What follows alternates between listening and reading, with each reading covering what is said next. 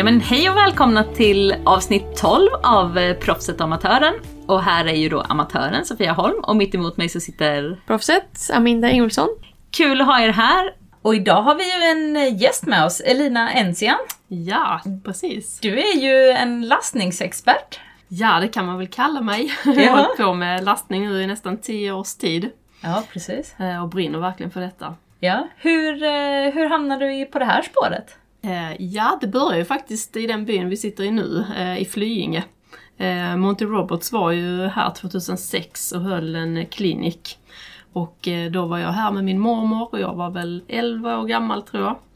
Och ehm, fastnade verkligen för hans metoder och tänkte att det här vill jag lära mig mer om. Och, och så blev det ju. Jag fortsatte utbildningen här i Sverige hos Ann Lindberg som är Sveriges första instruktör. Ja, sen bara fortsatte det. Eh, Så jag åkte vidare till USA och var där i flera omgångar.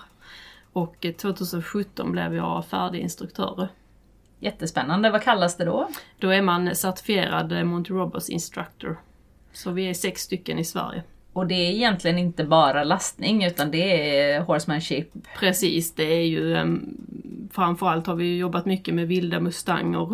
eh, hur man eh, just ja, tränar en helt vild häst till att bli tam. Ja, ja, i stort sett allt markarbete liksom och förbereda den unga hästen för, för ryttare så kallat. Och så mycket problembeteenden liksom. Så att eh, lastningen är en del. Men det är rätt så likt. Det faller i eh, samma, liksom man gör, man använder samma system kan jag tänka mig. Precis, det är ju ett system liksom som vi har fått lära oss eh, och det, det är ganska likt. Från, ja, man kan applicera det på olika typer av problem så kallat. Det där med lite vilda mustanger låter ju dels livsfarligt men också väldigt, väldigt häftigt. Eh, Det har gett mig absolut mest. Alltså det, eh, I Sverige har vi liksom inga vilda eh, hästar liksom. eh, Så att eh, det har varit extremt lärorikt. eh, Och man har fått tänka på hur man andas, hur man använder sin blick, hur man rör sig liksom för att de är så känsliga. Så att eh, ja, det har varit eh, jätteroligt att få eh, vara med om detta. Så det har ju varit, ja, det är en hel del mustanger som jag har jobbat med också. Men de är sizen mindre, det är en liten häst va? Mm, de är lite mindre, men en Mustang är ju inte liksom en... Alltså de kan ju se ut på många olika sätt och de kan ha många olika färger och många olika storlekar. Men absolut är de lite åt det mindre hållet. Jättespännande. Ja, jättehäftigt. Mm. Men tillbaka till eh, lastningen. Hur många hästar ungefär tror du att du har hjälpt att lasta? Alltså det är svårt att veta exakt men det är några hundra nu. Ja, för du har hållit på ganska länge då ju. Ja, att, ja det har jag. Jag kickade igång på riktigt eh, när jag eh, blev färdig instruktör med mitt företag NCN Ecus Education. Men lastade även lite hästar innan dess. Ja, du undervisar även lite grann och har clinics och så även för i grupp. Precis, jag åker ju runt och har lite clinics. eh, Det har varit framförallt på ridskolor och ridklubbar nu. Eh, Men ska komma igång med privata kurser också. Eh, Då är det lite kruxigt eh, att ta med sin häst på den här kursen ju. Ja, det Men- precis, man får rida dit dagen innan eller något. Typ. Nej men gud, ja just det! Men jag tänker att jag löser det så här att jag, eh, jag liksom hyr in två lättlastade hästar eh, och sen så får man med sig själva teorin eh, bakom lastningen, liksom säkerhetstänket, eh, hur man helt enkelt ska tänka säkert i lastning. Och sen så jobbar vi även lite praktiskt med varandra, alltså att man får lasta varandra helt enkelt. Eh, och sen så får man träna på två lättlastade hästar. Och då tänker jag att man blir rustad för kanske en lite svårare häst sen om man har det hemma. Ja, för det är ju inte så lätt det där att ta med sig hästen. Nej, För det, det har jag något minne av. Frågan om det var när Monty Roberts var här och då var det, då sökte de ju hästar och då ville de ju gärna ha hästar i närmiljön just för att precis. den ju komma hit också. Det är ju kruxet själv när jag har eh, lastningskliniks att eh, det gäller ju att få tag på eh, liksom rätt sorts häst till kliniken och det måste ju vara en häst som gärna står på stället redan. För jag vill inte liksom tvinga dit en häst bara för att jag ska Nej, och Lasta den den där. stress redan när den kommer dit. Liksom. Ja. Då ska man ju och- nästan få dit den dagen innan i så fall. Ja, ja men precis. Men det är ju just det jag är jättemycket emot. Att man Mm. tvingar på hästarna så när de inte är redo ju. Nej. Så att det, det går ju emot min liksom filosofi lite. Ja, det blir lite där svår eh, Ja, situation. precis. Ja, men ska vi gå igenom lite vad din, ditt grundtänk är när man kommer till eh, lastning? Bara dina liksom hållpunkter? man Vilken ände börjar du? Exakt. Ehm, jag börjar egentligen på liksom steg ett i lastning och det är ju att hästen ska ehm, vilja gå in och vilja stå kvar där inne. Eh, och för att komma dit så börja jobba på steg ett så bör man ju först jobba med hästen lite från marken. Alltså att man får den att bli mjuk och följsam när man leder den. Det är ganska vanligt när jag åker ut att hästen jag ska träna den ja men den går över en och den stannar inte när jag stannar och den liksom är lite brötig. och det har ju ganska, eller spiller ju över på lastningen också att den är svår liksom hanterad och svårstyrd redan från marken. Så att jag börjar redan där med att leda hästen och få den mjuk och följsam och att den kan backa, att den kan stanna, att den, just att den lyssnar på min kropp egentligen. Det handlar inte om att jag ska ta i den hårt på något sätt eller sådär utan mer att den följer, det är ju det jag vill när den ska följa med mig in i släpet, liksom att den följer med min kropp. Så att, eh, och sen börjar jag också alltid med att bara ha en helt vanlig eh, svartmålad träskiva som är eh, liksom säker. Och den börjar jag med att gå över hästen med liksom. För den symboliserar då lämmen, som många hästar tycker är rätt så otäckt. Så att vi börjar där och när jag ser hästen eh, hantera den här övningen så vet jag också lite hur den antagligen kommer att vara när jag ska börja lasta den. Så det är en bra första övning för att jag ska få ett hum om hästens eh, reaktionsmönster. Ja precis, för då är det de, antingen de som bara står still eller de som kastar sig eller de som är nyfikna. Det måste finnas rätt många olika sorter eller? Precis. Ja, för det har ju jag märkt bara på de hästar jag får i träning. Och så här, just det där att de som springer över en. Man bara, men hallå! Ursäkta mig, jag står faktiskt här. Ja, Kan vi börja om nu? Och att man får börja med just det här leda hästen. precis. Stannar jag så stannar du, går jag så går du. Svänga höger, vänster. Alltså basics. Precis. Och Ja, man det- tycker att det är en självklarhet, tycker man själv. Men eh, det är inte alltid så. Nu hoppar vi lite här, men vilken typ av häst tycker du är lättast att jobba med? Det är den som är hög energi, Ja. som stegrar, ehm, som gör mycket. Ja. Det, Det var det lättaste. Ja, det sa vi med. De Ja. är mycket lättare. Precis, det svåraste är de som fryser fast. Ja. Där, eh, och som inte lyssnar på tryck egentligen. Ehm, Nu jobbar jag både med tryck och efter- eftergift men också positiv förstärkning och jobbar även med klickerträning om ägaren vill det. Så det beror lite på. Det blir kanske konstigt om jag börjar klickerträna hästen och ägaren inte alls är inne på klickerträning. Så där eh, har jag lite olika verktyg i min ryggsäck. Men just de här hästarna som inte svarar på tryck. Det kan ju vara så att, att de nästan har blivit vinschade in eller att de, man har helt enkelt dratt i dem för mycket så att de har liksom stängt av. Så att de hästarna får jag jobba med på ett lite annat sätt. Ehm, och vara nästan försiktig med trycket för att de nästan stänger av annars. Jo, men de här hästarna som är lite avstängda, hur kommer man åt dem? För det är som människa blir man ju väldigt frustrerad när den står med fötterna där den står och inte bryr sig om att man petar på den eller tar i den eller... Ja, det kan absolut skapas mycket frustration hos eh, människor när det gäller lastning. Men just när det kommer till de här hästarna som fryser fast så handlar det om att skapa rörelse eh, i deras ben, liksom skapa en, en form av eh, energi liksom. Och sen handlar det också om att jobba väldigt stegvis och det är också en stor del av min metod att eh, det handlar inte om att hästen ska gå liksom inifrån eller utifrån och in direkt utan jag jobbar ju liksom stegvis. Att skulle det vara så att hästen kanske sätter två hovar på lämmen så är jag jättenöjd med det och belönar det. Och sen är det ju så fantastiskt med hästar att när man belönar det som de gör rätt, då bjuder de ju på mer istället för att fokusera på att eh, bestraffa det de gör fel. Belönar hur? Ja, belönar dels med eh, eftergift, alltså att trycket upphör. Eh, dels med paus, att jag går ifrån transporten. När hästen då till exempel satt upp två hovar på lämmen. Belönar med kli, med klapp. Om hästen uppskattar det, det är inte alla som gör det. Eh, och även godis. Och just när det kommer till godis så gäller det att man har lite koll på hur man belönar med godis. Att inte man får en häst som kanske är nere och rotar i fickorna liksom. Och att man förstärker med godis, inte mutar.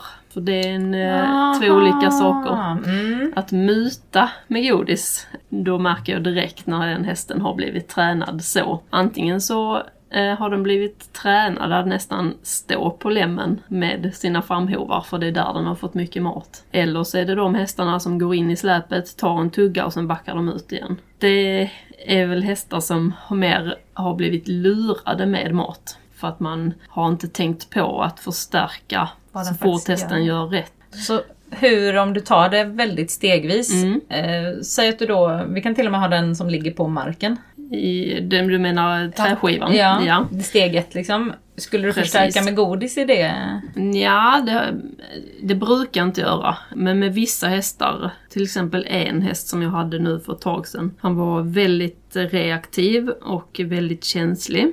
Försökte först med tryck och eftergift och försöka få honom till att våga. Det handlade mest om att han skulle våga nudda den här. Eh, Det funkar inte riktigt så då gick jag över till att börja klicka istället. Och då eh, började jag klicka så fort han nosade på den. Så efter ett tag så eh, förstod han att okej, det, det är liksom den här eh, svarta plattan det gäller. Och då var det en häst som inte var tränad på Den, klicker? precis, den var inte tränad. Så då klick och godis? Ja, precis. Då klickade jag faktiskt bara med min mun och gjorde ett klickljud. Eh, så det går bra också. Man kan använda ord och, och så här. Det är bara att man är konsekvent som, som är det viktiga. Då, då började det hända grejer hos honom psykologiskt. För då började han, aha, men det är någonting med den här träplankan. Ska jag kanske ska göra någonting med denna? Eh, och sen efterhand så eh, klickade jag inte längre för att han nosar på den utan då väntade jag ut honom lite mer och lät honom göra lite, prova någonting annat. Och då helt plötsligt så började han skrapa på den med sin hov och donka i den där och då skapar han ju till och med ljud också, eh, vilket han var jätterädd för från början. Så då klickade jag för det och sen eh, eh utvecklade det sig jättefint så att han liksom sen gick över plankan då. Så att eh, så kan man använda klickerträning liksom som ett verktyg eller verkligen komplement. Funkar det lika bra om man liksom bortser från ljudet och bara... Nej, man behöver eh, förstärka med eh, ett ord eller ljud för att hästen ska veta att det är just det tillfället som är rätt så kallat. Eller man kan ju jobba med bara godis men det blir inte lika effektivt om du som om du har ett ljud till. Så att det här ljudet man gör, eh, eller ordet, det blir ju som en typ kamerabild. Att eh, precis det där momentet, det var rätt liksom. Så då förstår hästen det och vet att eh, ja, det var just det här som jag gjorde nu som var rätt. Och säg att du då tar över steget mot släpet, liksom, hur jobbar du då med berömmet i liksom... Ja, ehm, jag kan ju jobba med klickerträning där också om, om jag känner att hästen svarar bäst på det. Ehm, Men jag brukar oftast vara mest noggrann med att belöna inuti släpet. För det är där inne vi vill ju befästa att det är riktigt trevligt att vara liksom. Så att eh, jag är ibland lite sådär restriktiv med godiset utanför eller på väg in. Men det beror också helt på hästen.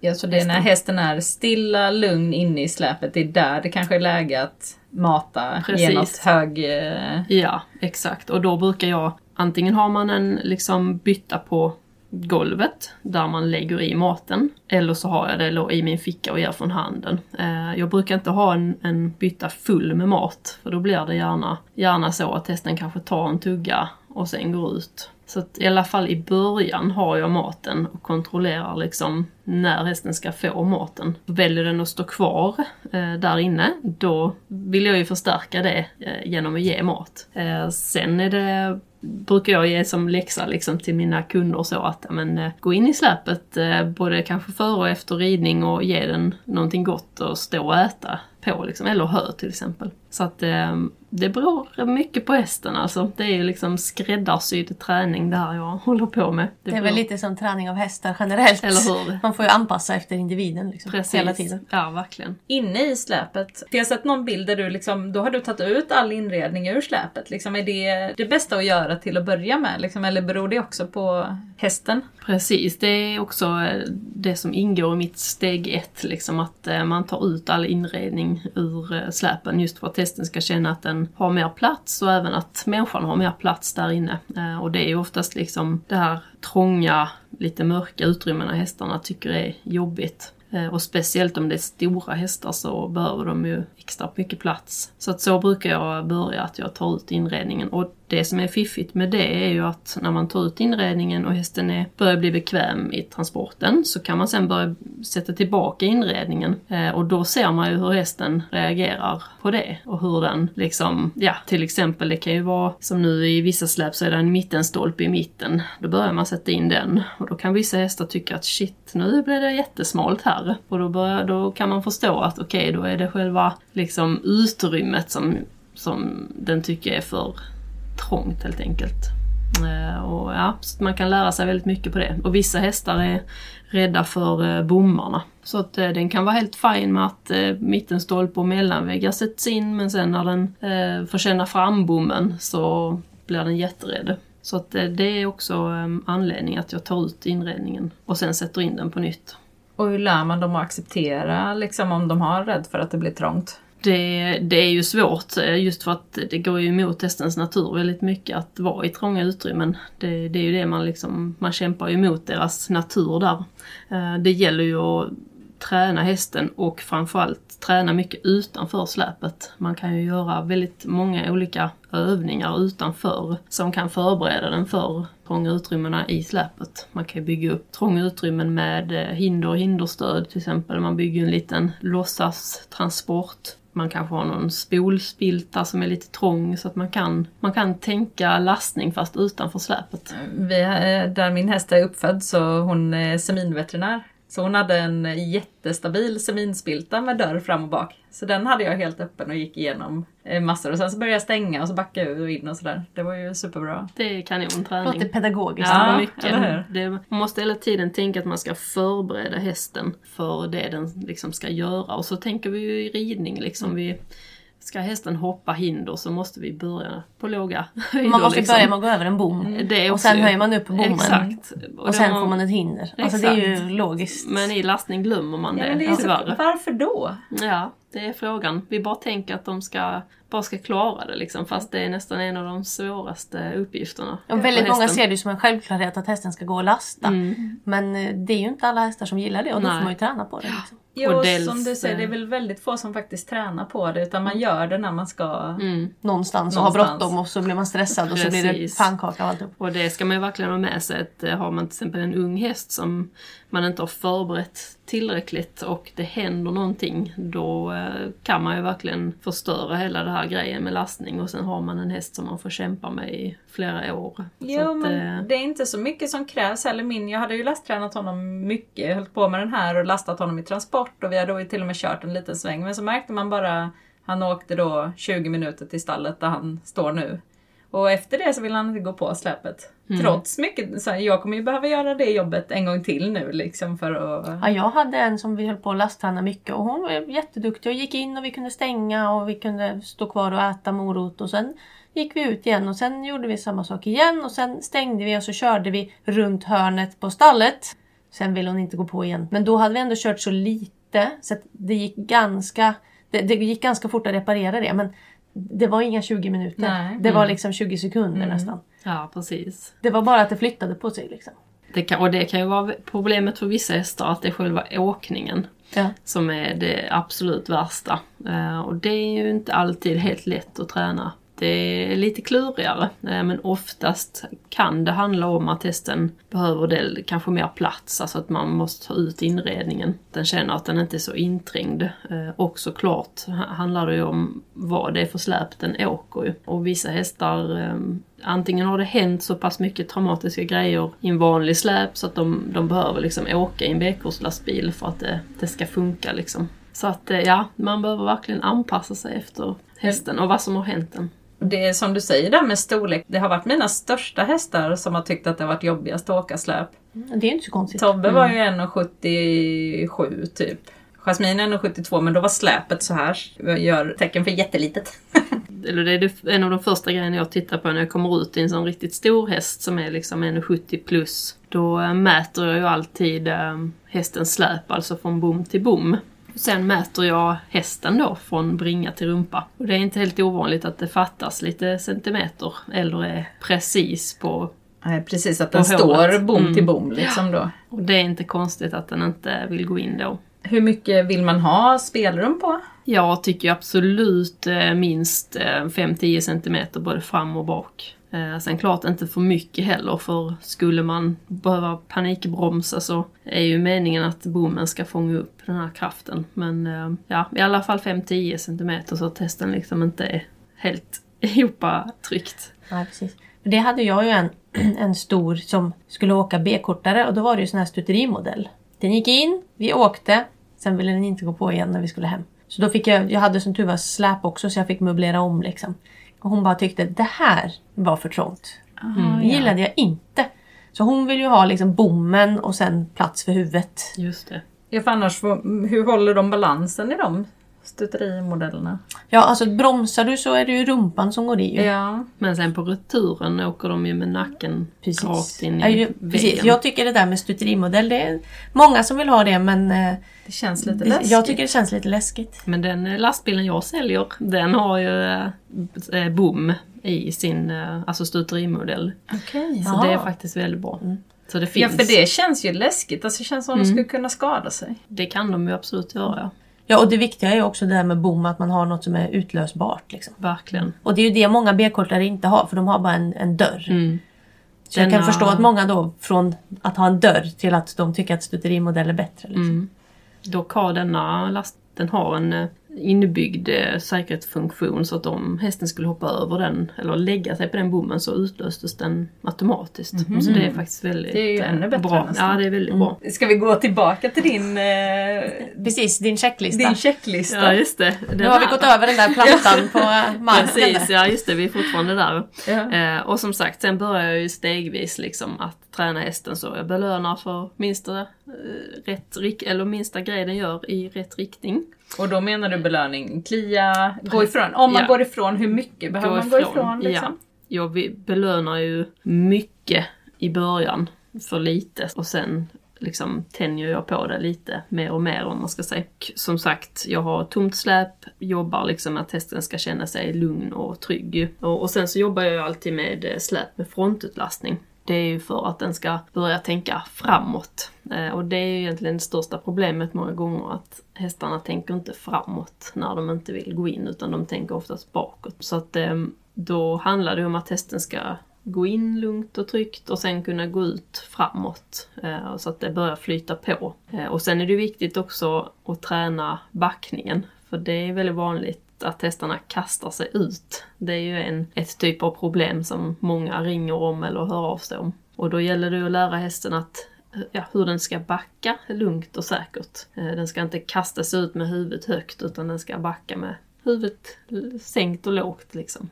Så att det är ju en första träning, liksom det här steg ett. Att hästen vill gå på, vill stå kvar och att den kan gå ut lugnt fram och fram och backa lugnt bak. Och innan det här funkar så kan man liksom inte tvinga in hästen där och stänga om den för då kommer den tycka att det är jätteobehagligt. Och, och då gör man den sen svårlastad till slut. Om man liksom håller på och tvingar den till sånt den inte vill. Jag tänker det är nog många som eh, inte har frontutlastning, mig själv inkluderat. Nej, precis. Vad, Förstår. vad gör man liksom i det läget om man nu faktiskt har ett stängt släp? Då eh, handlar det ju också liksom om att just när hästen tycker att det är obehagligt att stå där inne så försöker man att, att backa ut hästen innan den tycker att nu är stressen för hög. Så att då gäller det verkligen att läsa av sin häst och ge den liksom den här pausen innan den stressbägaren svämmar över liksom. Så att i början kan det ju vara att den bara vill stå där inne i några sekunder liksom. Och sen utökar man den här tiden liksom. Mm, och att man förekommer dem. Ja, precis. Och att man fokuserar på att belöna liksom det hästen gör rätt. Jobbar du alltid själv? Eh, Jag jobbar ju egentligen med hästägarna ju. Ja. Eh, För när jag åker ut så tränar jag hästen först och ehm, sen när hästen har tränat en stund och det flyter på så får den paus för att tänka och processa och kanske behöver kissa eller bajsa eller så och dricka framförallt. Eh, Och då tränar jag ju hästägaren under tiden och sen samarbetar jag ju alltid med hästägaren. Så har man de här hästarna som tycker att att eh, det är obehagligt med saker som händer bakom, alltså bakskygga hästar som är rädda för bommen eller lämmen eller så. Då samarbetar jag med hästägaren och instruerar hästägaren samtidigt som jag liksom håller i hästen. Eh, och sen såklart så byter vi ju när eh, hästägaren känner sig trygg och jag känner att det är en bra idé liksom. Låter lite som när man har undervisar ryttare. Att man först kanske man sitter upp på hästen och så får hästen lära sig hur man ska göra. Och sen sätter man upp ryttaren och så säger man gör så här. Och så hjälper man dem att försöka få till samma sak. Ja, det är verkligen. precis samma sätt. Ja, Liksom. det är samma upplägg Mm. faktiskt. Det är ju det som är det viktiga liksom också att få med hästägaren i det här. För jag kan, ju, ja, jag kan ju träna hästen, det kan funka om jag tränar den men Du är ju inte där sen. Nej, jag är inte där sen liksom. Så att hästägaren måste ju veta eh, hur den ska göra och så vidare. Och en väldigt vanlig grej som jag stöter på det är ju att hästägarna har ju lika mycket lastningsångest som hästarna har. Så att eh, jag eh, jobbar ju även med alltså hästmänniskor som har traumatisk upplevelse av häst. Ja. Kom ihåg att andas nu. Precis, Ja, andas och ehm, liksom tänk inte att det värsta kommer att hända nu utan det kommer att gå bra liksom. Ja. Och jag, jag gör ju aldrig över en häst till en hästägare där jag känner att det här kan misslyckas liksom utan jag låter bara ägaren eh, ta över hästen när jag vet att de kan lyckas. Ja men det är klart jag kan tänka mig med då att i och med att, vad ska man säga, våran grundträning i Sverige är ju att hästen ska in. Mm. Ja. Jag vet när jag var liten då var det någon gubbe som sa jag funkar det inte med våld, går det med mera våld. ja. Och det är ju lite Det är så hemskt. man är upplärd som liten och då blir det ju rätt farligt för hästarna stegrar, de kastar sig, de sticker, de springer över folk liksom. Precis. Så att det är inte så konstigt att många kanske är rädda för situationen för man har kanske jobbat med lite eh, inom situationstecken övervåld. Mm. Eh, och hästarna har varit väldigt pressade och bara försökt ta sig bort. Liksom. Precis, ja men det är verkligen många som har varit med om otäcka upplevelser liksom. Så att, eh, ja men jag jobbar med mycket hästägare som eh, Ja men kämpar. mentalt stöd Ja, liksom. absolut. Ja, just det med självförtroende. Och kan du skapa självförtroende hos hästen så kan ju ägaren glida med lite där i Exakt. början och hitta ett självförtroende själv. Mm. Ja, verkligen.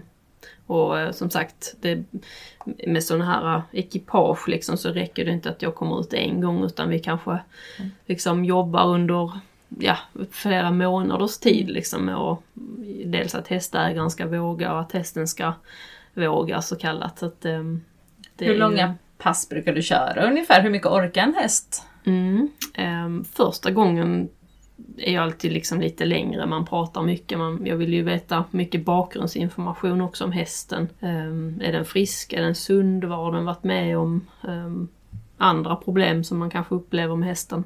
Det brukar ungefär ta två timmar när jag är ute första gången. Men då tränar jag hästen en stund och sen så har jag den paus i en kvart, 20 minuter. Och sen tränar jag ägaren och sådär. Så hästen blir ju inte tränad så jättelänge. Men första gången behöver man alltid befästa lite mer. Spännande. Ja, och just det, vi pratar ju om det här med stegen och så här. Och ehm, steg ett har vi pratat om nu, att man, hästen ska vilja gå in och vilja stå kvar. Men sen så är det det här med själva stängningen.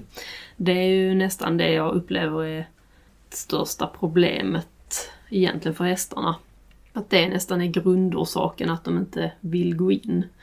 Just för att det här med stängningen är ganska stressande.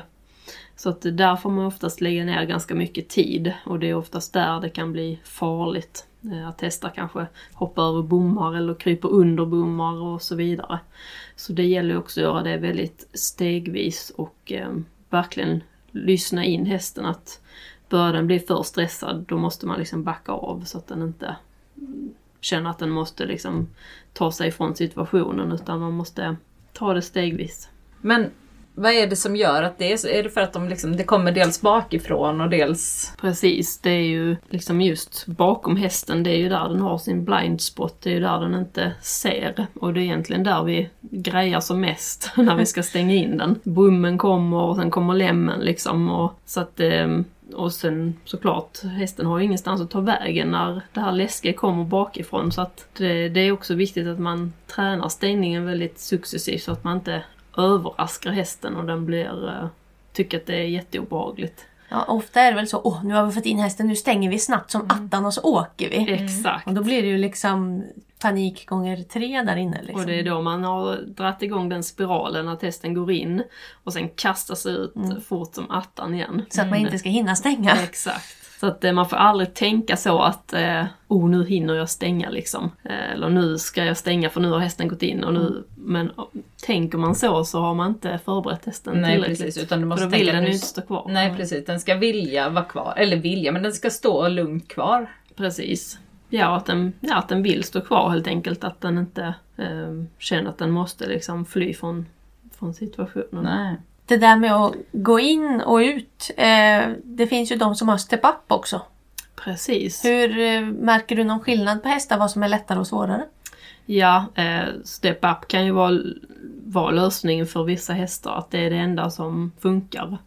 Ehm, så där, eh, där tycker jag verkligen att det bästa är ju släp som har både lem och step up.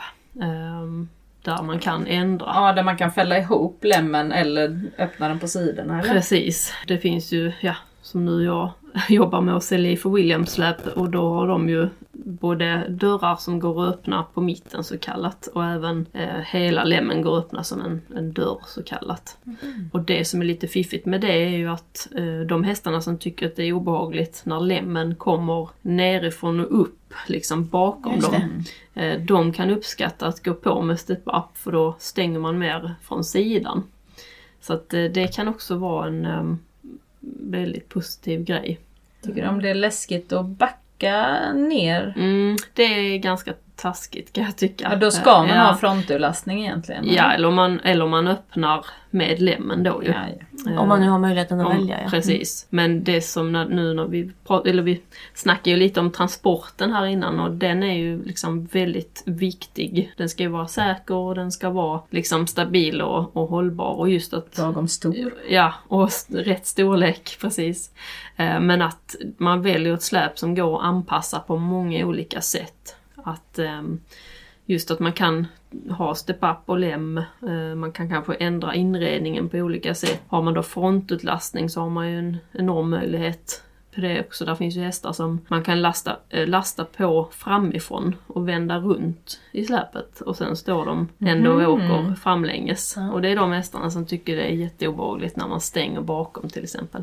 Och då är ju behöver man smart ju. inte greja bakom dem alls. Ja, för då är det då- redan stängt när de då går är det in. redan stängt. Ja, Du hade ju svimmat om du hade sett mitt ekipage då för en eh, 15 år sedan. Då hade jag en gammal 740 med jättedålig eh, sån här suspension fjädring. ja.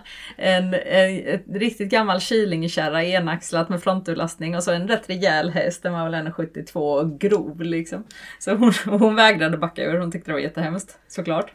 Eh, Så hon gick in och sen så när hon skulle gå ut då i fronturlastningen då slog ju liksom den här ner i golvet eller i marken. Ja. Eh, Ja, mellan bil och släp. mellan bil och släp ja. För hon var ju så tung och så med den enaxlad och sån här dåliga bilen så den bara dunk. Oh, jösses. Ja, eh, skäms lite över detta. Men jag hade inga pengar och det var vad jag hade fått tag på. Ja, Ja, och har man aldrig haft något större eller bättre Nej, så har nej, man ju nej. inget att jämföra med heller. nej så är det ju såklart. Men nu hade jag ju aldrig lastat. Jag vet också någon gång när vi åkte upp med ditt gamla släp med Ja. så här kedjor bak och... Precis, för då var det ingen bom, då var det ju var ingen kedjor. bom. Vi Ja. klämde in två rätt stora hästar i den. och Körde upp till Det var väldigt Helsingborg bra, eller något. väldigt bra lastvikt på den Ja, faktiskt. det var det. Det är ju alltid bra. Ja, men Så det hade jag nog inte heller gjort det, idag. med tanke på hur litet släpet var så kan jag förstå att det var mycket lastvikt. Så, Ja, gud alltså. Ja, det har hänt mycket, alltså man har ju också lärt sig så mycket själv. ja. Men alltså mina hästar var hur snälla som helst. De var ju vana vid Ja. det släpet ju. Ja. Såklart. Men din kom in där och tyckte att Nej, var hon- är bommen sa hon. Ja, också hon var ju så, hon stod alltid med bockade öron för det var det, hon var ju så stor så hon, de var ju uppe i taket. Liksom. Åh, stackare. Räcker Ja. det med 15 år sedan? Jag tror Nej inte det att det ens gör det räcker kanske med det. inte. 20 då. Det har ju hänt väldigt mycket på släpmarknaden. Ja, oh ja. Den, de har ju liksom Det har exploderat. anpassats mer för hästar Ja. nu, inte så mycket för bilar. Eller boskap liksom. Ja, just det. sådär. Nej. Mm. Nej. Eh, men eh, då kan vi ta lite med dem. Så du, ja frontutlastning där säger du definitivt fördel. Ja, absolut. Och det är också en säkerhetsgrej att skulle man på något sätt bli påkörd bakifrån eller man...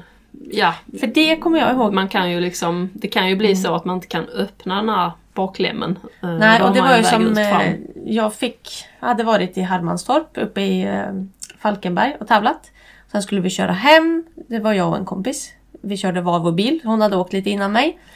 Och så ringde hon mig och bara Åh, jag har fått punka. Kan du ta med min häst? Det var enaxlat då. Eh, punka på släpet. Då kan ju inte köra någonstans. Men då hade hon ju som tur var frontulastning. Stannade då på E6an. Eh, och då körde jag ju liksom in så att jag parkerade precis framför henne. Och då gick den ju ut mot diket. Framåt och sen bara rakt in på mitt släp. Som tur var då en häst så att den gick rakt in som tur var. Det var ju tur. Men då var det ganska skönt att ha frontutlastning att man faktiskt bara kunde gå framåt Ja, och in på nästa. För då blev inte sträckan så lång. Ska du då först gå ut och det är lite säkerhetsrisk för du ska hinna under bommen ifall det nu är lite rädd efter det där. Och så. Precis. Då var det ganska skönt faktiskt. Ja, fy. Ja, verkligen. Men eh, hur påverkas lastvikten av en frontutlastning? För den måste ju väga lite mer. Ja, det kanske den gör. Ehm, lite grann gör den nu. Det är sånt som jag tänker på då, som alltid har liksom, behöver få med mig så mycket som möjligt. Ja, förstår det. Det är ju viktigt egentligen när man ska köra liksom, man behöver ju oftast ha ett utökat eller ett BE-körkort. Det är ju oftast det som behövs för att man ska kunna i alla fall köra två hästar. Det kan ju funka med en häst. Och det kan vi nämna, det tänkte vi ta upp i ett annat avsnitt, det Ja. här med lite körkort och Då sparar vi det saker. till dess. Ja. Men det är ju en del i det hela liksom. Jo fast det är ju jätteviktigt Ja, att att nämna. man för kan jag, backa och allt det där, Ja. att man känner sig säker med det liksom. jag tror det är rätt många som kör olovligt. utan att Ja. de vet om Utan det. att de vet om det. Det också ja. Framförallt alla de med B-kort. Mm, precis. Att man har kanske inte riktigt koll på... Att man bara får lasta en häst. Nej. Inte ens det kanske Mm, i nej. värsta fall. Nej precis. Mm. Så det är bra att ha koll på lite regler och säkerhet. Och Ja, för jag har tänkt på det lite just med frontutlastning att då får du ju liksom en lem där fram som kanske väger mer än vad bara en vägg gör liksom. Mm, Nu har jag aluminiumsläp så att då väger inte väggen så mycket. mm, Och skulle jag då satt in en lucka där istället så det är klart det måste ju väga mycket mer än vad släpet väger idag. mm. Och då måste jag ju bli av med några kilo Någon annanstans. någon annanstans. Så är det oftast ja. Ja men Mm. det är en eh, liten ekvation det där med Ja. körkort, bil och släp. Ja. Och häst. Och ramp och step-up att där egentligen helst både och. Liksom. Helst både och ja. Och det är också, man, man använder gärna ett släp till annat också. Eh, och, och köra balar, alltså så halmbal, eh, spånbal.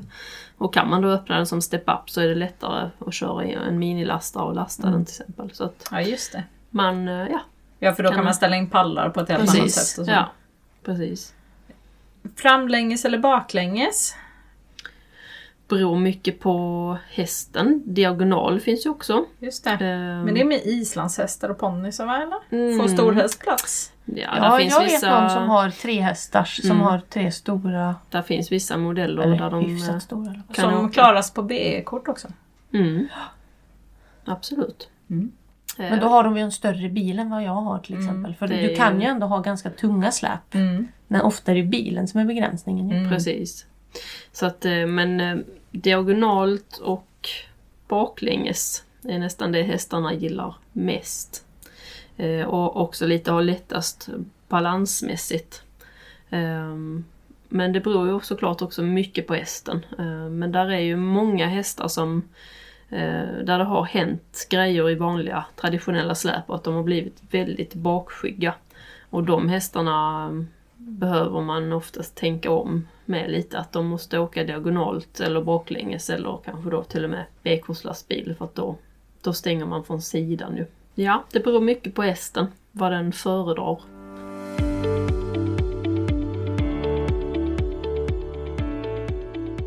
Eh, har vi gått in på steg tre? Nej, men Nej. det är en ganska lång eh, lista där. Det är ju liksom varför det blir problem Ja. med lastning. Ja. Och vi har ändå vi har pratat om några, än så, eller hittills ju, det är onaturligt för hästen liksom. Det är en svår uppgift. Och sen är det ju, det har ju som du också berättar, hårda metoder liksom. När hästen inte vill gå in så handlar det om att den känner sig otrygg eller inte förstår uppgiften eller är förberedd för tillräckligt. Ehm, Och tillsätter man då mer obehag till någonting som redan är obehagligt så blir det ju såklart ekvationen blir att det blir ännu mer eh, motvilligt liksom att gå in. Så att man måste ju verkligen tänka på det att man inte tillsätter mer obehag när hästen inte vill gå in. För då är risken att man får en ännu svårla, mer svårlastad häst Ja. i slutändan. Där, min eh, taktik som ju inte använder våld är ju linor. Men då är ett väldigt, ja men att människorna är lugna, hästen är lugn, utan man bara har det liksom så här, så, och så drar vi in liksom. Vad, vad tänker du? Jag förstår ju att det antagligen inte är ett, Ja, det är ju inte optimalt Det är inte såklart. ett optimalt För sätt, hästen går ju liksom. inte in själv. nej den går inte nej, in själv precis. utan det är ju, men vi, vi liksom, ja Mm. men långsamt. Och sen kräver det ju fler personer också. Ja det, det är ju väldigt svårt, det det går ju inte att göra själv liksom. Nej, jag är ingen fan av linor. Nej. eh, Så. De, det kan brännas och oftast är det så om man tillsätter liksom tryck bakifrån så blir oftast liksom responsen att hästen trycker tillbaka. Det, det enda gången jag använder linor det är till de hästarna som går sidan om lämmen. Då ber jag... Som eller då- en inramning. Precis, som en inramning bara. Då bara hakar jag i en lina. Oftast är det på vänster sida om släpet. Då hakar man i en lina där och så ber jag ägaren bara hålla i linan. Så det blir som ett staket i stort sett. Och det brukar funka på de flesta hästar. Eh, inte alla. Då kanske man kan behöva parkera släpet gentemot en vägg eller en staket. Men eh, nej, jag är inte jättefan av linor så bakom rumpan. Eh, visst, om man är duktig liksom på sin timing och eftergift. Ja precis, det liksom kräver kan- ganska alltså- mycket av den som håller i. Precis, det, det handlar inte om att bara liksom tokdra liksom. Eh, men, men, och ska man jobba så då måste man ju fort, alltså fortsatt jobba med tryck och eftergift liksom. Att Går hästen framåt, ja men då måste man sluta dra liksom. Eh, Ja, att det är som Aminda säger, det är viktigt också att ha rätt människor med sig Mm. då, för det hade jag ju inte kunnat gjort med någon som inte... Ja. Nej, du kan inte ta med dig vem som helst Nej, och göra det. För nej. det, det, den som håller i linan måste ju veta vad Ja, den gör. verkligen. Och som du säger, veta när den ska släppa. Ja, ja. Exakt. Och när, den ska, när det ska vara mer och mindre. Liksom. Ja. Ja, precis. Ja, det är ju en viss eh, typ av tvång ändå. Ja, Ehm, definitivt. Lite grann. Så att, eh, Det är också en sån här grej man har fått lära sig liksom, Ja. från början. Ja. Som eh, man gjorde mycket mer förr. Mm, precis, men jag ser, det, jag ser och hör det ganska mycket fortfarande. Ja men som sagt, jag ska inte säga det. Jag använder det absolut mycket. Men som sagt, jag har, jag har rätt så bra känsla för det. Jag har aldrig upplevt att jag stressar hästarna med det. Utan ofta blir det att så går de in och sen nästa gång kanske jag behöver använda en eller två gånger till. Och sen Mm. Och brukar det är framförallt de Liksom. där som du säger som springer på sidan. Att Ja. man kan ha det som staket. Och ju, Mm. ju känsligare häst, ju mer effektivt är det. För då inser de, jaha men okej jag kan inte springa på sidan. Nej, precis. Okej då. Jag Och så går de in. många, många är roliga med för då kopplar de så sätter man på linan och de bara okej då. Ja, och så går de det bara är också in, ganska liksom. vanligt. Men det är ju också lite hemskt på Ja. något sätt. Då utnyttjar man ju hästen lite. Precis. Ja, jag hade ju en som jag kunde lasta själv. Om jag bara la ut två linjer på marken så gick den in själv. Ja. Då kunde jag liksom skicka in den och så kunde jag stänga bakom. Hade jag inte linorna så gick det inte. Nej. Nej Men jag, och det räckte att lägga dem på marken. Ja. Jo, men det, Det kan liksom- räcka. Men det, ja. det Ja. var ju så den hade lärt sig att bli lastad antagligen. Ja, precis. Ja, men verkligen. Och så vi, vi har också redan pratat om för lite träning. Det är ju också en orsak till, till att hästen Ja, precis. eh, inte vill gå in. Eh, en annan väldigt vanlig grej eh, det är när hästen byter ägare. Eh, för då byter den också transport. Och har hästen då eh, åkt till den nya ägaren och de gamla ägarna säger att ja, men den är så lättlastad och det går så bra. Så tar ju den nya ägaren det för givet liksom och bara lastar som inget har hänt. Men grejen är ju att varken häst och ägare känner varandra. Hästen känner inte sitt nya släp. Eh, det är väldigt mycket nya grejer som händer vid ett eh, ägarbyte. Så att ehm, där måste man verkligen lära känna sin häst, hur den funkar rent Eh, ja, när man ska lasta den. Så att man behöver träna det och att den får chans att lära känna sitt nya släp. Eh, men den, eh, det är nog nästan kanske den största anledningen. Att testarna har varit lättlastade, sen blir de svårlastade när de byter ägare. Och det, så är det för hästar, de gillar inte förändringar liksom så mycket. Och sen har vi ju problem, kan det bli problem när hästarna har varit hos eh, veterinären mycket. Dels är det ju att de åker dit för att göra någonting som kanske inte är så behagligt. Men när hästen åker till veterinären så är det ju oftast för att den är ju fysiskt dålig på något sätt, att den är halt, har ont någonstans. Eh, och det har jag med åren eh, sett en jätte, jättestor koppling mellan hästens fysiska form och lastning. Och hästar som inte eh, är liksom mår fysiskt bra Eh, De mår ju oftast inte heller psykiskt bra ehm, och då blir det rätt så mycket problem med lastning på grund av det. Och då kopplar de ihop det också kan jag tänka mig. Precis. Det säger de om man åker med en kolikhäst i Helsingborg. Så brukar de ju säga det att hästarna brukar vara mer svårlastade när ni ska hem. För senast den åkte så hade den ont i magen. Precis. Och det är ju faktiskt väldigt Mm. sant. Och hästar med fång och sånt bland annat. Ehm, Det är ju, Mm. ja, åka transport med fång kan ju inte vara så skönt. nej, det måste göra fruktansvärt Och samma sak om du har kolik. Exakt. Och då kan du ju inte heller liksom rulla dig eller något. Nej, precis. Och jag tänker också bara ja, men, så här, knäledsinflammationer Ja. och kotledsinflammationer som jättemånga hästar har och kanske till och med utan att man vet om det. Ja, och då kan du inte Eh, avlasta när du ska stå och balansera. Nej, liksom. precis. Och det ska man ju ha med sig att det är ju, det är ju nästan ett helt träningspass att åka transport Mm. för hästen för att den måste hela tiden stå och parera och, och spänna alla sina muskler. Så att, eh, och det kan ju också vara en anledning att hästen inte vill gå på när man sen ska åka hem igen. Mm. För att då, Ja, det var för jobbigt. Ja, då har man eh, Mhm. tränat, dels har man ju tränat hästen liksom trött, den är kanske törstig, hungrig, Mm. eh, har mjölksyra. Den bara, jag orkar inte Nej, orka Det mer. gör ju våran ponny och jag har funderat på just det Mm. för den är lätt att lasta när man åker iväg och vill aldrig gå in när man eh, Nej, ska hem. precis. Eller aldrig gå in men man får knuffa på henne lite Ja, liksom. precis. Och det kan ju, och där brukar jag säga att eh, men låt hästen liksom vila lite in, efter ridpasset, att den får dricka, eh, äta liksom, komma ner i varv så att den är lite mer på alerten liksom när den ska åka hem. Eh, och såklart kan det också vara är det en ny miljö så är den otrygg och det kanske är stökigt på stället liksom. Då förstår man ju att det kan vara svårt att få hästen att liksom vilja gå på. Så det är också lite anledningar. Och såklart har vi pratat om trauman och olyckor när det händer grejer. Det kan ju vara att man krockar men det kan också vara att hästen har stegat över eller kommit under bommen eller så. Och eh, då gör det ju att det blir svårare framöver. Och sen då som vi pratade om, transporter som inte passar hästen. Så Jo. det, ja, det är Jag har- många anledningar. Ja. Vi har ju förutom min nästan en 80-häst, har vi en till en 80-häst i stallet. Den, Wow. eh, nu sist när de skulle lasta, då gick den fram till transporten och så la den huvudet uppe på taket. Nej! ja då... Eh, Men Då den hade fick den den, att sänka huvudet och den gick till slut in snällt och fint och åkte fint. Men eh, det såg så fruktansvärt kul ut när den var... ja. ja Jag hoppas den fick sträcka sig lite i alla fall. Mm, För att komma upp på taket. Ja, fast det var inte extremt alltså. Då var det en bjässe. Ja. Ja. Verkligen. Lång hals. Ja. Men du, vi har ju några lyssnarfrågor med. Ja. Första är bästa tipset för att lasta av på hästen om man är ensam. Mm. Återigen träning såklart. Det här med att kunna skicka in hästen är ju en fördel eh, om du ska lasta den själv. Eh, och då gäller det att lägga upp träningen stegvis så att man, man kanske till, i början behöver vara två stycken som samarbetar. Um, för att förstå, eller lära hästen att den ska förstå att den ska gå in själv liksom. Eh, det är också viktigt där att man aldrig sätter fast hästen när, när, förrän släpet är stängt och likadant du tar lite och knäpper loss hästen innan du öppnar släpet. Det är också en sån typisk säkerhetsmiss som vissa kan göra. Kanske börja vara två stycken i början, träna hästen till att förstå att den ska gå in själv när man skickar in den. Jag tänkte sen, säga, hur eh, gör man det då?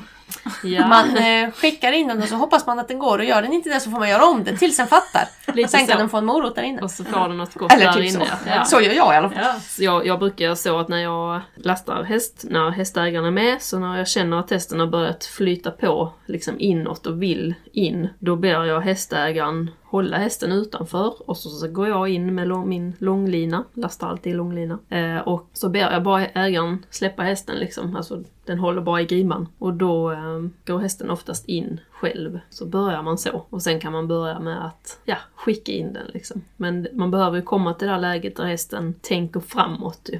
Eh, annars blir det svårt. Jag är dålig på att träna dem till att gå in själv men jag brukar vara rätt bra så jag brukar liksom gå in med dem sen så går jag ut genom släpet. Alltså, för jag brukar få dem väldigt lugna i släpet liksom. Och då står de ju kvar så jag hinner sätta bommen och ta upp lämmen och sådär liksom. Mm. Eh, Det är kanske inte optimalt men det funkar Ja, men så har för jag mig. också gjort och då bara haft ett långt grimskaft eller en lina så kan man liksom om man lägger det där så om Ja. hästen backar ut så blir det ju ett långt snöre så man kan fånga den om Ja. det skulle vara så men det gör de oftast inte. Nej, precis. De Ja, står det, kvar där liksom. Det gäller att hitta sitt sätt liksom. Ja, oavsett vad man oavsett väljer att vilket, göra, eh, liksom. Ja, vilken metod man väljer. Och det är ju som du sa där med att verkligen komma ihåg att inte sätta fast hästen Mm. förrän lämmen är uppe. Precis, Nej. för det kan hända riktigt otäcka olyckor. Ja. Om hästen sitter fast och så är inte bommen stängd och sen så Nej. sliter den sig och kan dra sönder rätt så mycket grejer i nacke och så vidare.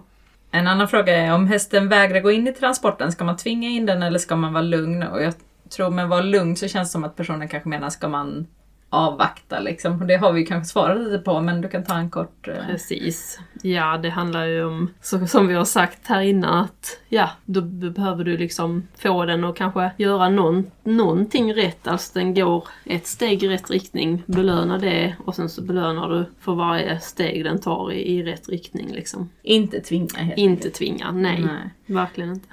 Häst som är bakskygg och det inte går att stänga, hur tränar jag detta? Precis, och det är jättevanligt. Ehm, så såklart steg ett behöver sitta först. Att hästen vill gå in, vill stå kvar. Ehm, och där brukar jag ju samarbeta med hästägaren. Att jag ber hästägaren röra sig utanför släpet samtidigt som jag håller hästen där inne. Och då brukar man ju se att hästarna ibland reagerar liksom bara att det går en människa bakom. Så det gäller ju att ja, ta det väldigt stegvis där också. Eh, andra grejer är ju att man tänker lastning fast utanför transporten. Och det kan ju vara att man till exempel har en, en stallgång som man går in, eh, in i och sen stannar man precis innanför öppningen och så ber man någon stänga ja, porten eller dörren till stallgången. Och då tränar man ju automatiskt lite bakskygghet där. Ja, ja, att ganska står precis ba- ja, man ja. står på man stänger tänker- dörren ja, precis Man bakom. tänker att porten, dörren är lämmen liksom. Mm. Så att eh, just att man tänker mycket lastning utanför släpet brukar hjälpa. Och såklart, oftast när hästarna är bakskygga så reagerar de ju på ljud, alltså ljuden av bommen bakom. Och då behöver hästen först vara okej med det ljudet. Att ljudet betyder inte backa ut utan ljudet betyder stå stilla. Så att eh, det är där man får börja helt enkelt. Ja, det du sa med, med att bygga upp i paddocken kanske också Det kan vara en också, bra idé att lägga upp exakt. en plank eller någonting. Precis. Det är Då också... tänker jag lite på nästa fråga vi hade här. Hästar som får panik inne i transporten. Mm. Ja, Det är ju lite samma sak där att träna de grejerna så mycket som Exakt. möjligt utanför transporten kanske. Precis, och anledningen att de får panik i släpet det är för att de helt enkelt är för stressade i själva lastningssituationen så att det- blir liksom sån triggerstapling så bägaren rinner över liksom då i släpet. Så då har man helt enkelt eh, missat viktiga signaler för, från hästen tror jag. Att man, ja, eh, och så jag tror också mycket på det här som du sa med storleksanpassning. För jag hade ju Mm. en som var jättesnäll att lasta, snäll att köra, men så fort man stod still på tävlingsplatsen så fick han panik mm, och skulle ut liksom. Mm, Och han var aldrig problem att lasta igen, men han ballade ur varenda gång han stod still i släpet. Och han var stor. kan ju ha att göra med att han ja, Kände det sig kändes för- nästan som att man fick lite cellskräck liksom.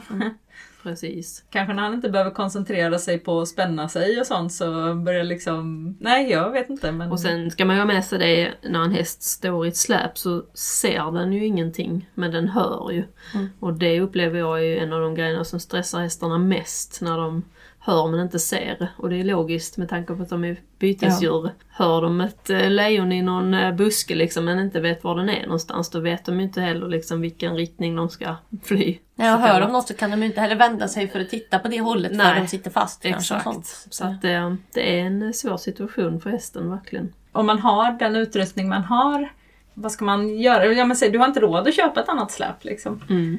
Då får man helt enkelt liksom göra det bästa av situationen och då sänka ribban helt enkelt svårighetsmässigt både för sig själv och för hästen. Eh, och att man tänker lite att man får börja om och just ta ut all inredning, göra det mer trevligt inne i släpet och sen så ta allting successivt, bygga det uppåt. Benskydd och så vidare. Vad föredrar du? Ja, det är ju bra att ha benskydd på hästarna när man ska lasta just säkerhetsmässigt. Jag ber ju alltid hästägarna att ha boots och ja, senskydd på just för att hästarna kan trampa snett på lämmen och, och så vidare. Eh, och då är det viktigt att man också när man tränar att man har denna utrustningen på. För många hästar kan ju bli väldigt stressade när de får transportskydd på till exempel. För då vet de att okej, nu är det skarpt läge liksom. Och sen kanske när man tränar så har man inte transportskydd på. Så att det är viktigt att göra exakt samma som man tränar som när man väl ska åka. Ja, och att man kanske också kanske sätta på eh, transportskydden någon gång när man inte ska lasta så att inte alltid den kopplingen görs. Exakt. att det inte är första gången du sätter på transportskydd är när du ska lasta. Nej, precis. Utan det kan vara bra om de har haft det på innan. Ja. Vad Gå gör lite du, promenader eller något sånt med dem. Just nu kör jag faktiskt utan någonting men det är mest för att min unghäst har inga skor heller. Eh, Så då har jag faktiskt kört honom helt utan. Och för att jag har haft mycket hästar som blir väldigt varma i transporten. Och innan, jag har lär, liksom kört med såna här höga transportskydd. Men jag upplevde det som att de blev för varma och så var de helt dyngsura under dem. Eh, Och då kände jag som att det kanske var mer stressande än vad det skyddade liksom. Mm. Men jag, jag hade gärna, jag funderar på att gå över till stora boots. Eh, fram i alla fall då. Jag har ingenting. Du har ingenting Nej. här? Nej. Inte ens när jag åker liksom till typ Italien. Liksom. Nej. Mm. Nej, jag, sådana transportskydd använder jag aldrig. Inte ens på min egen häst liksom. Men boots. Jag var med om att han trampade av sig en sko en gång i släpet. Så att eh, sen dess hade jag boots på. Jo, jag har med sett det som trampar av och har fått in då Mm. sidokappan i hoven liksom. Så det är ju tradigt liksom. Men, Jag har peppar peppar faktiskt aldrig haft någon som har trampat sig eller så i, i transporten. Nej, jag vet sådana hästtransportörer vill ju alltid att de ska åka nakna med om man skickar dem på Mm. lastbil till England eller så. De vill ju inte ha någonting på liksom. Men, eh, men sen förstår jag också i en träningssituation. Då är det, det är ju skillnad på en häst som är van att bli lastad, van att åka och så men när den inte är det då känns det ju viktigare på något Precis. sätt. Ja, För det är ju som du säger, det är ju kanske på lämmen snarare de skadar sig då. Precis. Alltså peppar peppar, jag har varit med om en häst genom åren som har skadat sig på lämmen. Och den hade inte skydd på sig. Så att eh, efter det är jag väldigt noga med. Och det, det är också en ansvarsgrej liksom. Eh, Såklart är det på hästägarens egen risk liksom att jag lasttränar hästen liksom. Eh, Och jag har ju alla, all säkerhetstänk jag kan. Men man vet ju aldrig, alltså, det kan ju hända saker. Så att, eh, i alla fall boots och senskydd vid träning liksom. Har du misslyckats någon gång och vad gör du då? Absolut, det ingår i eh, hästjobbet att misslyckas. Det det. Eh, och det bästa med det får man ju säga, det är att man lär sig av det. Det är väl kanske en, ja, en handfull hästar eller så jag har misslyckats med. Det har ju berott på lite olika grejer. Dels kan det ha varit att hästen kanske egentligen inte är redo för lastningsmomentet ens. Att man kanske hade behövt förbereda den på många andra sätt först. Det kan också ha varit att jag helt enkelt hade behövt tänka på saken och tänka hur ska jag göra istället liksom. Eh, och ibland, och ibland har man ju inte fått tillräckligt med tid kanske heller att komma tillbaka och försöka igen utan då kan det vara så att hästägaren känner att nej, okej det funkar inte, då får vi göra något annat. Men det kan vara så att eh, hade man fått liksom gång två eller tre på sig så kanske man hade kunnat luska ut rätt liksom, nyckel just för den hästen. Men eh, det var mer i, i början som jag misslyckades. Och det är klart, man blir ju bättre hela tiden liksom. Och kommer på nya trick och till exempel ta hjälp av en annan häst som går före och går in och går igenom. Det har ju varit nyckeln för två hästar som jag har haft nu senaste året bara. Jag tänker kan det vara positivt också att ta hjälp av någon som faktiskt har frontutlastning? Eh, för det kan man väl ha hjälp av även om man inte har det själv sen? Ja, absolut kan man ha eh, nytta av att låna en transport med frontutlastning eh, av en kompis liksom eller så. För det kan ju vara det här att hästen behöver få den här eh, framåt-tänket att gå in och gå igenom. Efter det så kan det vara lättare att gå tillbaka till sitt eget släp och eh, träna där. Och så är det ju oftast när jag åker ut så åker jag ju ut med mitt släp som har frontutlastning eh, och vi tränar i det. Och sen kan vi gå tillbaka till ägarens släp. Sen ibland är det ju så att det har hänt så mycket grejer i det egna släpet så det är liksom infekterat nästan. Och då funkar det bara i mitt släp men inte i hästägarens. Och då, eh, ja, då får man ju acceptera läget lite att hästen behöver kanske ett annat typ av släp för att det ska funka. Fast jag tycker man hör ju, det genomsyrar ju hela det här avsnittet egentligen att backa, gå tillbaka, små steg som du säger även med dina egna Ja. eh, misslyckanden. Liksom att ja, hade jag fått mer tid, hade jag kunnat göra mindre steg, hade jag kunnat tänka annorlunda. Att liksom, Reflektera lite mer över vad man gör och vad man borde, vad man borde göra. Ja, träna och Varför i små funkar det inte? steg. exakt. Varför funkar det inte? Det är också en viktig Ja. fråga att få klart svar på. Ja, jättespännande och det här kan man nog prata om i flera timmar märker vi. Ja, gud ja, jag älskar att prata lastning. Ja, och jag känner jag hade ju velat prata om alla de andra bitarna också. Det är, Eh, Det är speciellt i de här tiderna när faktiskt hästsporten får lite bra syning i sömmarna. mm, eh, verkligen. Om man pratar inlärning. Mm, mycket. Exakt. Mm. Det är ju, detta är ju ren inlärningspsykologi liksom. Ja. Egentligen. Så att um, göra Du är helt- lätt för hästen att göra rätt. Det är Du är ju liksom- helt rätt i tiden med ditt yrkesval. Verkligen. Ja, faktiskt. Det tycker jag nog. Ja men det är bra, det behövs eh, mera och du behöver ju nå ut till många. Ja, precis. Eh, ja. Precis. Och har man frågor så går det alltid bra att kontakta mig på Instagram, Facebook, NCN Ecus Education och min hemsida också, ncnekus.se. Alltid öppen för frågor. Ja. Det är bra, att vara- till ju såklart. bra att vara lättillgänglig. Ja. ja men super, tusen tack för att du tog dig tid att komma hit. Tack så hemskt mycket själv, det var jättekul. Ja. Och eh, för våran del så är det ju som vanligt skicka frågor och funderingar på Instagram, eh, proffset och amatören och eh, på mail. Ja, proffset och amatören at gmail.com och även eh, snegla in på våran TikTok som vi har börjat komma igång lite på. Exakt. Proffset och amatören. Ja. så hörs vi igen eh, nästa vecka helt enkelt. Ja, ha det bra! Hej hej!